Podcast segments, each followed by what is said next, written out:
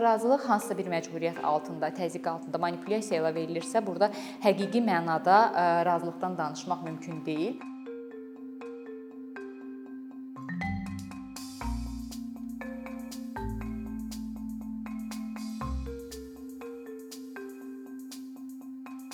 Biz bu gün ə, razılıq anlayışından ə, müəyyən bir çərçivədə əsasən razılıq anlayışından danışacağıq. Razılıq anlayışı ümumiyyətlə gündəlik həyatımızda ə, istifadə etdiyimiz bir anlayışdır. Ə, Nəyəsə razı olmaq, ə, istəkli olmaq mənasında istifadə edirik. Sadəcə biz bu gün bunu həm feminist nəzəriyyə çərçivəsində, feminist dalğalar çərçivəsində dəyərləndirəcəyik, həm də qanunvericiliyin bir təsnifatı var, razılıq anlayışına əsaslanan qanunvericiliklərlə bağlı həmin modelləri müzakirə edəcəyik. Razılıq anlayışı feminizmdə e, necə e, vahid bir definisiyası yoxdur, amma adətən hansı ətrafda müzakirə olunur? Razılıq anlayışı daha çox öz bədənimiz haqqında qərar qəbul etməklə bağlı və intim münasibətlərdə sərhədləri e, müəyyənləşdirməklə bağlı daha çox feminizmdə müzakirə olunur. Bu ətrafda qəbul olunan bir anlayışdır və ümumiyyətlə dalğalarda qısa tarixçəsindən danışmaq istəyirəm. Əslində birinci dalğadan etibarən razılıq anlayışı artıq müzakirə mövzusu olub. Tam mərkəzi məsələ olmasa da, birinci dalğada təhlükəsiz abortlarla bağlı müzakirədə, bədənin toxunulmazlığı ilə bağlı müzakirədə bugünkü bildiyimiz mənada termin olaraq müzakirə olunmasa da, təxmini yəni bu məsələyə məsələyə toxunulub. İkinci dalğada isə artıq reproduktiv hüquqlar, diskriminasiya, cinsi zorakılıq anlayışı gündəmə gəldiyi üçün daha geniş mənada müzakirə olunub və burada qarşılıqlı qərar vermə, artıq arzulanan razılıq anlayışı meydana gəlib. Və üçüncü dalğada daha çox mərkəzi məsələ müxtəliflik, interseksionallıq olduğuna görə razılıq anlayışı daha mürəkkəb kontekstdə müzakirə olunub və burada artıq əhəmiyyətli olan davamlı kommunikasiya məsələsi gündəmə gəlib, sərhədlərin müəyyənləşdirilməsi, partnyorların bir-birinin istək və arzularını dinləməsi məsələsi gündəmə gəlib. Dördüncü dalğada isə dördüncü dalğa daha çox texnologiyanın və bu onlayn Me Too hərəkatından sonra adətən belə adlandırırlar ki, 4-cü dalğanın yarandığını elan edirlər və artıq ə, e, sosial şəbəkələrin, texnologiyanın həyatımıza girməsi ilə burada razılıq anlayışı ə, e, daha fərqli kontekstdə müzakirə olunub. Bəlkə o həyatımızın ə, e, yəni hər mərhələsində bütün sahələri əhatə etdiyi qeyd olunur və ə, burada onlayn ə, qısnama mövzusu və yaxud ə, cinsi zorakılıq ə, faktlarının daha çox görünən etməklə bağlı müzakirə olunub və razılıq anlayışından danışanda razılıqla bağlı müxtəlif konsepsiyalar mövcuddur. Mən tərcümələri özüm etdiyimə görə məcbur kənarında ingilis dili versiyasında qoydum. Çünki Azərbaycan dilində doğru ifadə edə bilməsəm, yəni ingilis dilində mövcud olsun deyə. Aşkar razılıq anlayışından başlamaq istəyirəm. Aşkar razılıq anlayışı açıq formada partnyorların bir-birinə özünü ifadə etməsi və açıq formada razılığının olduğunu bildirməsindən ibarətdir. Həvəsli razılıq və ya arzulanan razılıq olaraq bunu tərcümə etmişəm. Burada isə e, məqsəd təkcə hə deməkdən ibarət deyil. Burada həm də hənin e, müsbət e, hərəkətlərlə təsdiqlənməsi, arzulanan olmasının göstərilməsi lazımdır. Məlumatlı razılıq isə daha çox cinsi aktdan söhbət gedirsə, tərəflərin, partnyorların bu haqqda bütün proseslə bağlı ətraflı məlumatı olması, nəticələri ilə bağlı məlumatlı olması əhəmiyyətli hesab olunur.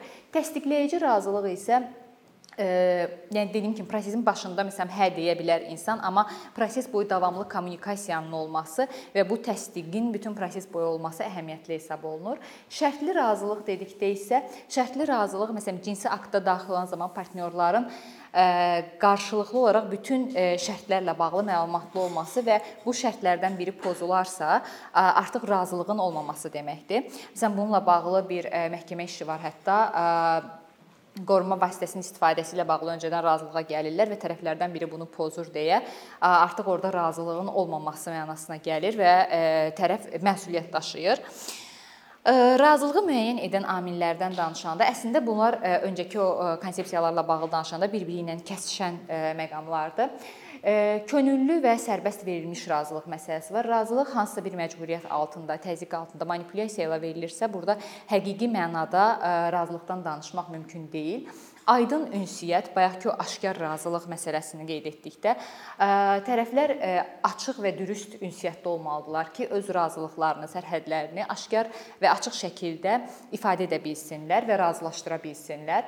Davamlı və geri alınan Mənə görə bu çox əhəmiyyətlidir. Çünki məncə bu xüsusilə bizim kimi ölkələrdə çox müzakirə olunmur. Yəni razılıq başlanğıcda hə deyilməsi və ya da qeyd etdiyim kimi heç də bütün proses boyu insanın razı olduğu mənasına gəlmir. İstənilən an razılıq geri çəkilə bilər və bu qarşı tərəflə qarşı tərəf tərəfindən hörmətlə qarşılanmalıdır və Ümumiyyətlə da, bu davamlı və geri alına bilən dedikdə biz qəbul etməliyik ki, bizim istəklərimiz, sərhədlər dinamikdir və dəyişkəndir və biz istədiyimiz vaxt onu dəyişdirə və geri çəkə bilərik.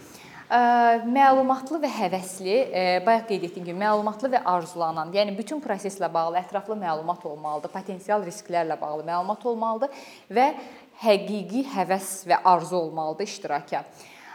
Digər məsələ isə bərabər güc dinamikası. Buna birazdan yenə toxunacağıq. Bu razılıq anlayışında çox əhəmiyyətli hesab olunur. Əgər tərəflər arasında güc bərabərsizliyi mövcuddursa, burada da həqiqi mənada razılığın olub-olmadığını müəyyənləşdirmək çox çətindir və Çünki güc balansı pozulduqda insanlar bəzən məcbur qalıb razılıq verə bilirlər. Və e, təsdiq razılığı, bayaq da bu konsepsiyaya toxunduq. Yəni burada artıq e, təkcə yox deyilməsindən ibarət deyil və yaxud təkcə hə deyilməsindən ibarət deyil. Burada e, proses boyu davamlı istəyin olduğu vurğulanmalıdır və həm də bu razılıq anlayışı qeyd edir ki, sadəcə passiv qalmaq, susmaq və ya müqavimət göstərməmək razılıqla eyniləşdirə bilməz. Kontekstual və kəsişmə isə daha geniş mənada götürür. Yəni bütün sosial mədəni faktorlar əslində bura aiddir. Yəni bütün bunları nəzərə alaraq razılığın olub-olmadığını müəyyən etmək lazımdır. Bayaq qeyd etdiyim o 3-cü dalğada qeyd olunan interseksionallıq məsələsi əslində bu anlayışda daha çox özünü göstərir. Bəs bunlar razılığı təyin edən məqamlardır. Razılığı etibarsız edən məqamlar da var. Təbii ki, bu siyahını uzada bilərik.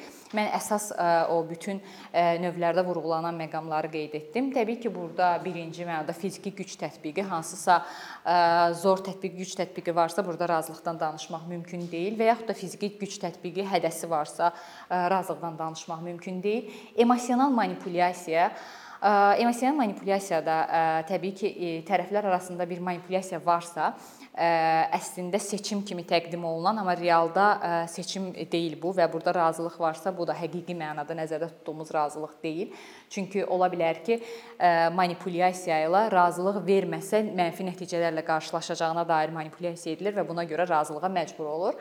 Güc bərabərsizliyi bu bayaq da qeyd etdim. Güc bərabərsizliyi mühitində heç bir halda razılıqdan danışmaq mümkün deyil. Bunun sadəcə təxmini nümunə kimi göstərirəm, amma təkcə bu kontekstdə deyil təbii ki. İşçi işə götürən münasibətlərində, müəllim tələbə münasibətlərində məsələn bu daha çox üzə çıxır. Belə anlarda tərəflərdən biri iyerarxik münasibət varsa, razılıq verməməyi və ya razılığı geri götürməyi narahatlığını yaşayacaq. Çünki nəticəsinin nə olacağını ehtimal edə bilmir. Və aldadılma və yanlış informasiyanın verilməsi Burada da təbii ki, yanlış informasiya verilirsə, tərəflərdən biri aldadılırsa, bu halda razılıq mövcud olduğunu deyə bilmərik. Bununla bağlı da maraqlı bir iş var idi. Əkiz qardaşlardan biri digərinin sevgilisi ilə cinsi əlaqəyə girir və sevgilisi əslində öz sevgilisi olmadığını və onun əkiz qardaşı olduğunu bilmir və sonradan öyrəndən sonra məhkəməyə verir. Yəni burada çox aşkar aldadılma var. Yəni insan qarşı tərəfin onun sevgisi olmadığını bilsəydi, cinsi əlaqəyə razı olmayacaqdı və buna görə də deməli razılığın olmadığı qənaətinə gəlir məhkəmə burada. Güc, istismar və imtiyaz anlayışları ilə bağlı, güclə bağlı bayaqdan qeyd etdiyimiz məsələlər burada da gündəmə gəlir. Dediyim kimi təkcə iyerarxik münasibət çərçivəsində yox, həm də cəmiyyətdə olan güc bərabərsizliyi də buna təsir edir və insanlar daha çox mənfi nəticələrdən e, qarşılaşa biləcəklər, razılıq olmadıqda qarşılaşa biləcəyi nəticələrdən ehtiyat edərək razılıq verirlər. İmtiyazlar da eyni ilə cəmiyyətdə bəlli sosial, iqtisadi qruplar, ümumiyyətlə müəyyən qruplar var ki, onlar daha imtiyazlı hesab olunur və həmin imtiyazlı qruplar öz sərhədlərini, öz arzularını daha rahatlıqla ifadə edə bilirlər, daha rahatlıqla sərhədlərini qura bilirlər. Nəinki həssas qruplar və imtiyazlı olmayan qruplar. Çünki imtiyazlı olmayan qruplar razılıq vermədikdə və ya razılığı geri çəkdikdə bunun hansısa bir diskriminasiya ilə, hansısa bir zorakılıqla nəticələnə biləcəyindən ehtiyat edirlər. İstismar da eynilə e, istismara məruz qalan insanlar və yaxud e, əvvəldən e, istismar təcrübəsi olmuş insanlar özlərini təhlükəsiz hiss edə bilmirlər və burada da onların verdiyi razılıqla bağlı bayaq qeyd etdiyimiz bütün məqamlar diqqətə alınmalıdır. Çünki bu bəzən həqiqi mənada, nəzərdə tutduğumuz mənada razılıq olmaya bilər. Razılıq anlayışından sonra daha çox hüquqi modellər haqqında danışmaq istəyirəm. Burada da dediyim kimi, yəni sadəcə bu modellərdən ibarət deyil, müxtəlif formada klassifikasiya olunub. Qanunvericilik nümunələrinə görə modellər təyin olunub və o modellərdə hansı məqamın razılıqda əsas götürüldüyünü nəzərə alaraq modellər formalaşdırıblar. Birinci modeldə ənənəvi modeldən söhbət gedir. Ənənəvi modelə daxil edilirsə qanunvericilik, adətən burada müqavimət anlayışı əsas götürür. Yəni razılığın olmadığını bir fiziki müqavimət varsa onunla ölçürlər. Fiziki müqavimət yoxdursa, zor tətbiq etmə və ya zor tətbiq etmə hədəsi yoxdursa, belə qəbul edilir ki, razılıq olub. Digər modellərdə isə məsələn yox modeli Susan Estrich bununla bağlı ilk dəfə yazır və bu məşhur sloqana çevrilən no means no ifadəsi əslində bu modeldən gəlir və o qeyd edir ki, bizim fiziki müqavimət göstərməməyi şərt kimi qoymaq düzgün deyil. Çünki bu insanların həyatını riskə ata bilər. İnsanlar həmişə bərabər gücə sahib olmadıqları partnyorlarda həmişə fiziki müqavimət göstərə bilməzlər və onların nə dediyi əhəmiyyətli olmalıdır. Əgər bir insan sözlü formada yox deyirsə, bu yetərli olmalıdır. Bizim ondan ekstra fiziki güc, müqavimət göstərməsini tələb etməyimiz həm hadisəyə daha çox kişi standartları ilə baxmaq deməkdir, həm də ekstra dediyim kimi riskə ata bilər və yaxud da bütün zərər çəkənlər heç də hadisə anında eyni reaksiyanı verməyə bilərlər, dona bilər, özünü itirə bilər və hətta o qeyd eləyir ki, bəzi məsələn araşdırmalar göstərir ki, əksər zorakılıq hallarında, zorlama hallarında e, daha çox zərər çəkən tərəf sözlü formada sakitləşdirməyə çalışır qarşı tərəfi, nəinki fiziki müqavimət göstərmə formasında və bu halda əgər biz fiziki müqaviməti şərt kimi qoyuruqsa, deməli biz o digər zərər çəkən qrupunu müdafiəsiz qoymuş oluruq. Həm də bu modelin üstünlüyünü onda hesab edirlər ki, birinci məhkəmələr üçün daha asan olur fərqləndirmək, çünki burada aşkar bir deyilmiş, ifadə olunmuş bir yox var. Digər tərəfdən burada partnyorlar üçün rahat olur ünsiyyət. Çünki söhbət təkcə bir-birini tanıyan partnyorlardan yox, həm də bir-birini tanımayan partnyorlardan gedir. Yəni onlar hansısa bir siqnal olmasını, müsbət olub-olmamasını e, ölçməyə ehtiyac duymurlar. Onlar açıq şəkildə bizim dediyimiz sözlə münasibətlərin çərçivəsini daha yaxşı müəyyənləşdirə bilirlər. E, və e, digər modeli isə hə modeli. Hə modeli daha geniş mənada götürür və burada söhbət təkcə verbal ünsiyyətdən getmir, nə ifadə etdiyimizdən getmir, həm də siqnallardan gedir. Yəni burada həm də davranışların müsbət olması əhəmiyyətli rol oynayır və onlar qeyd eləyirlər ki, bunu yox modelinə tənqid olaraq qeyd eləyirlər ki, əslində insanlardan tələb etmək ki, aşkar şəkildə yox deməlisən, bu da düzgün deyil. Çünki onlar qeyd edir ki, bəzən hadisə zamanı reaksiya hadisədən sonra gələ bilər və heç də hamı anında sözlü formada reaksiya verə bilmir. Ona görə biz sözlü formada reaksiya verə bilməyən insanları da qorumalıyıq və e, daha geniş çərçivədə götürməliyik və buna görə e, təkcə söz yox, e, açıq hə deyilməsi əhəmiyyətlidir, amma həm də müsbət mənada siqnallar olması əhəmiyyətlidir.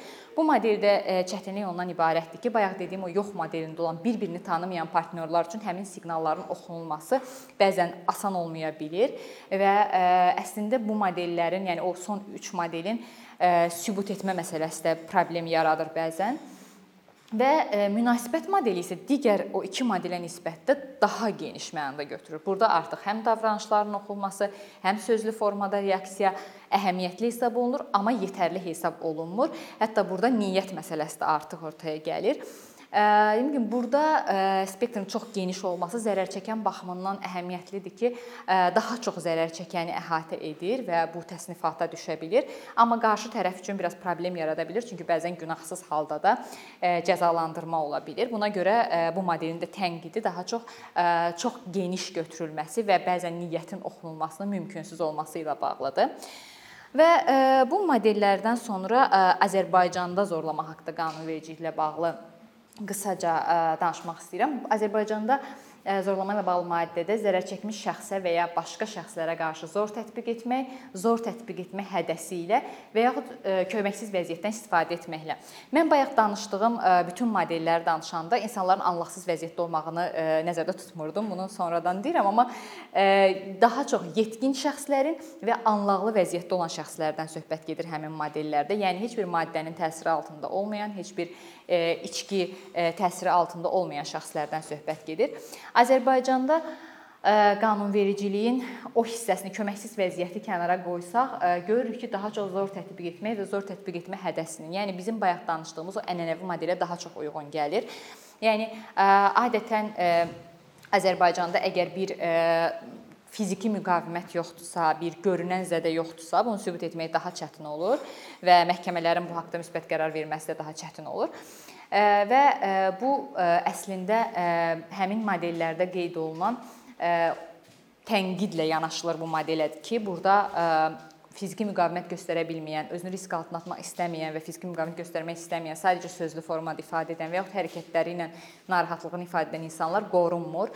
Və Bundan əlavə həmin modellər həm də bunu əhəmiyyətli vurğulayır ki, biz əgər zor tətbiq etməni və zor tətbiq etmə hədəsini sadəcə zorlama üçün yetərli, sadəcə bunu sayırıqsa, deməli həmin digər əlamətləri nəzərə almırıq və əslində həmin modellərin daha çox müdafiə etdiyi budur ki, zor tətbiq etmə və fiziki güc məsələsi varsa, bu zorlamanın ağırlaşdırıcı halı kimi nəzərə alınmalıdır. Digər hallar isə fiziki güc tətbiq edilməyən hallar isə sadəcə zorlama kimi nəzərə alınmalıdır və buna görə cəzalandırılmalıdır. Çünki zor tətbiqi varsa və zorlama halı varsa, insan iki azadlığından həm zorakılığa məruz qalmamadan, həm də seksual toxunulmazlıqdan məhrum edilir. Yəni iki problemlə üzləşdiyinə görə iki ağırlaşdırılmış hal kimi nəzərə alınmalıdır. Digər hallar isə zorlama halı kimi qiymətləndirilməlidir. Əslində sonda bu fikri qoymaqda məqsədim odur ki, Catherine McKinnon özünün zorakılıqla bağlı, zorlama ilə bağlı yazılarında həmişə qeyd eləyir ki, biz əslində seksuallıqla bağlı bərabərsizlik olan mühitdə razılıq anlayışından çox rahatlıqla danışa bilmərik. Çünki razılıq bütün o modellər, qanunvericilik nümunələri razılığı adətən bu mövcud vəziyyətimizdə, mövcud bərabərsizlik vəziyyətində dəyərləndirir və adətən kişini təklif edən tərəf, qadını isə qəbul edən tərəf kimi dəyərləndirir və buna görə də belə bir bərabərsizlik şərtində, mövcud şərtlərdə bizim hansısa bir həqiqi mənada razılığın olub-olmamasından danışmağımız mənasızdır. Mövcud e, normlar, mövcud bərabərsizliklə bağlı qanunlar əslində bu bərabərsizliyi tanımalıdır və bu e, mövcud gender rollarını mübahisələndirməlidir. Sadəcə bundan sonra e, həqiqi bərabərliyə və ənənəvi gender rolları dağıdılandan sonra biz həqiqi mənada razılığı müzakirə edə bilərik. Thank you.